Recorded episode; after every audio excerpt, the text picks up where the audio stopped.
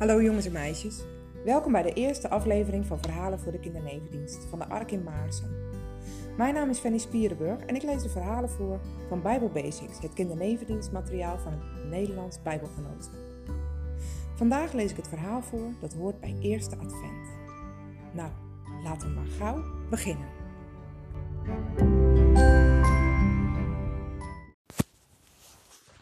De zon is nog niet op. Het is schemerdonker buiten. Maar Johannes is al wakker. Hij heeft zijn gezicht en zijn handen gewassen met water uit de put. Hij heeft een broodje gegeten, een beker melk gedronken. Ja, hij is klaar om aan het werk te gaan. Johannes gaat namelijk iets heel bijzonders doen. Hij gaat een boek schrijven. Een boek over de Heer Jezus. Nou, en dat is nog niet zo makkelijk, want ja, wat moet hij eigenlijk allemaal opschrijven? Jezus heeft zoveel dingen gedaan. Hij heeft zoveel gezegd. Wat moeten de mensen nou echt weten? Waar moet hij nou beslist over schrijven? Johannes kijkt door het raam. In het oosten komt de zon op boven de akkers. Het wordt steeds lichter. De donkere schaduwen in huis verdwijnen. Je kunt steeds meer zien. Hé, hey, maar wacht eens even. Jezus heeft toch ook een paar keer verteld over het licht? Johannes legt zijn papierrol op tafel en pakt zijn pen. Dan begint hij snel te schrijven. Er waren heel veel mensen en kinderen in Jeruzalem.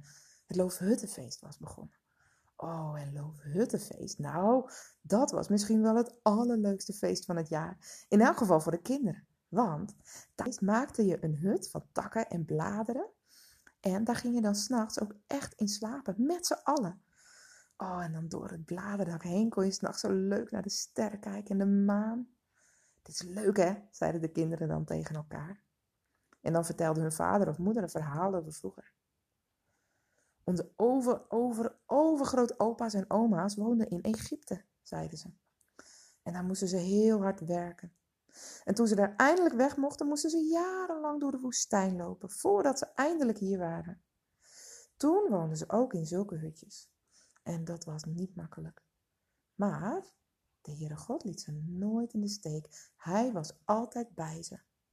Dat konden de mensen elke nacht zien. Elke nacht was er een wolk van licht boven de plek waar ze sliepen. Daar zorgde God voor. En als ze bang waren, nou, dan hoefden ze alleen maar naar het licht te kijken en dan wisten ze: God is bij ons. Hij beschermt ons. Jezus en zijn vrienden waren tijdens het Loofhuttenfeest ook in Jeruzalem en sliepen s'nachts natuurlijk ook in een zelfgemaakte hut. En overdag gingen ze naar de tempel toe om met de mensen te praten. Aan het eind van het feest zei Jezus tegen de grote mensen en de kinderen die om hem heen stonden: Ik wil jullie iets vertellen.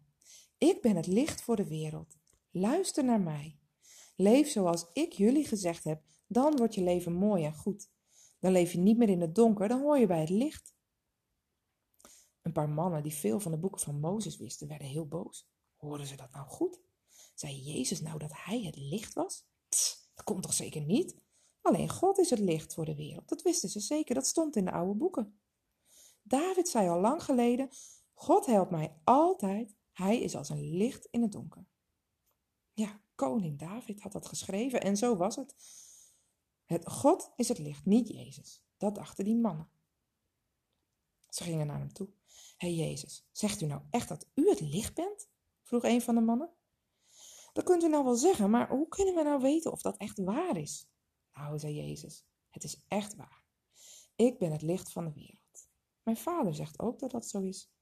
Pff, maar waar is uw vader dan? vroeg een andere man. We zien hem toch nergens? Jezus zuchtte. Begrepen ze het dan echt niet? Begrepen ze dan niet dat God zijn vader was? Ach, jullie weten niet wie God is, zei hij. Anders zouden jullie wel begrijpen dat ik zijn zoon ben. Ik kom bij hem vandaan en ik ga weer naar hem toe. En als je naar mij luistert, zul je erachter komen wie God is. Johannes legt zijn pen neer, hij rekt zich uit.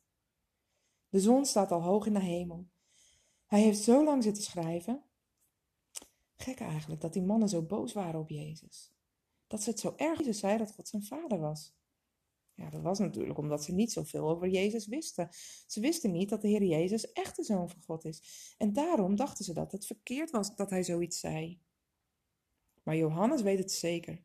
Wat Jezus zei, was echt waar. Als je naar Hem luistert, zul je er ook achter komen wie God is. Als je Jezus kent, dan is het net of het na een lange nacht eindelijk weer licht wordt. Alsof de zon opgaat, zodat je alles ineens goed kunt zien. Door de Heer Jezus ga je een beetje begrijpen wie de Heere God is en hoeveel de Heere God van je houdt. Er staat in de heilige boeken nog veel meer over het licht, bedenkt Johannes. In de boeken van Mozes bijvoorbeeld. Ineens heeft Johannes een goed idee. Hij heeft zelf natuurlijk geen boeken in huis, want boeken zijn veel te duur. Maar hij weet een plek waar je de boeken van Mozes kunt lezen, in de synagoge. Als hij daar nou volgende week eens naartoe gaat, dan kan hij aan de baas van de synagoge vragen of hij een van de boeken van Mozes mag lezen. Ja, dat ga ik doen. Dat is een goed plan.